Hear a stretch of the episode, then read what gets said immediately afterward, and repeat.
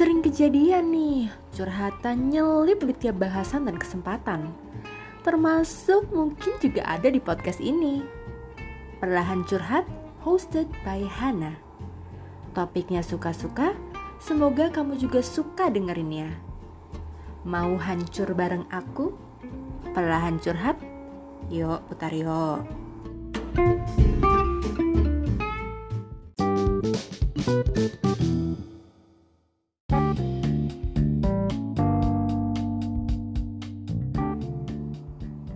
Percaya nggak percaya, zodiak seakan nggak pernah lepas dari hidup kita. Fun aja gitu rasanya ya kan kalau ngomongin soal zodiak. Apalagi nih kalau udah ngeceng-cengin Gemini, the most hated zodiac ever in the universe. Aduh sorry ya Gemini, belum ada satu menit nih kita baru di awal kamu udah jadi bahan roastingan. Salam damai Gemini, tanpa kamu tongkrongan gak asik Meskipun kamu sering banget jadi model untuk zodiak shaming. Aduh, sorry lagi ya, sekali lagi nih, maaf banget. Tapi secara keseluruhan, zodiak udah bukan hal asing lagi di hidup kita. Dari remaja ya dulu waktu aku masih SMP, SMA Seneng banget bukan rubik zodiak kalau baca majalah atau nonton planet remaja Space Love and Gaul. Itu kan biasanya di bagian terakhir-terakhir tuh ada ramalan zodiak mingguan gitu atau bulanan. Itu kayak langsung ditunggu-tunggu tuh.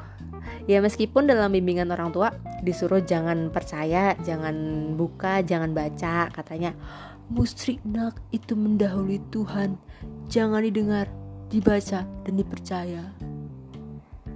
Tapi sekarang zodiak udah lebih dari sekedar ramal meramal belaka sih. Banyak orang yang menjadikan zodiak sebagai filter pertemanan atau filter percintaan. Ayo ngaku, siapa yang seobsesif itu sama zodiak? Saking maniaknya sama zodiak, semua semua dihubungin sama birth chart. Ya nggak masalah sih, seperti kepercayaan lain, zodiak ini kan juga konsepnya tentang kepercayaan ya. Jadi nggak usah diusik lah kepercayaan orang, karena kepercayaan adalah tanggung jawab masing-masing ya kan uh, kalau sekarang nih banyak banget yang melihat zodiak sebagai tolak ukur personality baik untuk menilai orang lain maupun menilai diri sendiri. Ya jatuhnya buat para awam seperti aku dan teman-temanku jadi cocok logi sih. Tapi ada nama kerennya loh dari cocok logi ini. Ada istilah yang namanya Barnum Effect. Nah, ini adalah sejenis sugesti. Kalau definisi Wikipedia-nya nih, Barnum Effect adalah suatu fenomena psikologis ketika seseorang menganggap akurat deskripsi mengenai diri mereka yang seolah dibuat khusus untuk mereka. Padahal deskripsi itu sebenarnya sangat umum sehingga dapat berlaku untuk banyak orang. Nah, makanya ada praktek-praktek tarot personal reading, oracle, dan lain sebagainya untuk bisa menyentuh kamu lebih spesifik, lebih ke dalam kolbu kamu gitu.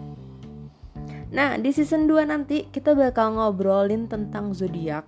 Tapi karena aku bukan madam dan gak bisa baca tarot, kita bakal casual talk aja. Ya sejenis cocok logi cocok logi asik gitulah the next season will be totally to have fun.